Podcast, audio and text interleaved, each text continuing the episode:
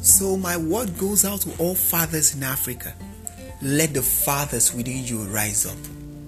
Don't let it be that we lose our reputation as men and that we leave it up just for women or any other person to take up. Why will we have children that will not be able to take up our charge when we die?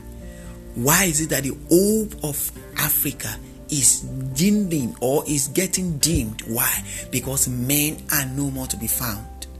Fathers, don't just give birth to children for the sake of procreation. Give birth to children because you want other men that are stronger than you to take charge after you have gone.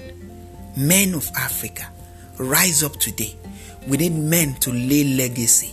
We need men to give loyalty. We need men to show ways for children that are coming behind. We need men that will rise up and take up positions that other men have left behind my position today for men at this Father's Day of this year is that we will take up our charge and our role as men, not just not as sex machine or production people, but people that produce generation that will anchor on good things and good morals of the ages to come. Don't let our prosperity posterity vanish men of Africa. Rise and become men indeed. Rise and become men to take up the position that you have been created to do. It is not only men of the neighbors that we have. We can be men of nation, you can be men of cities, you can be men of your particular society. So my charge to all men of Africa today in this time that I'm talking on this podcast is that enough is enough that we allow the virtues of other men of other land to take over our land.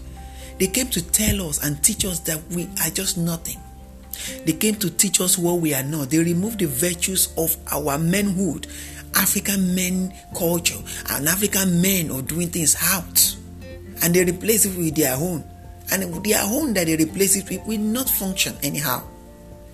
Men of Africa, my charge is to you, to us, is that we become what we have been made to become.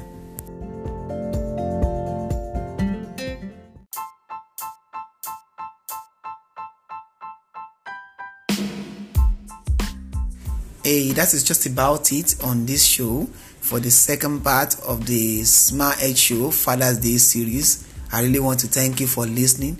Please subscribe and do share with your friends and every other person. Then listen to other podcasts that are in this uh, podcast, Smart Edge Show.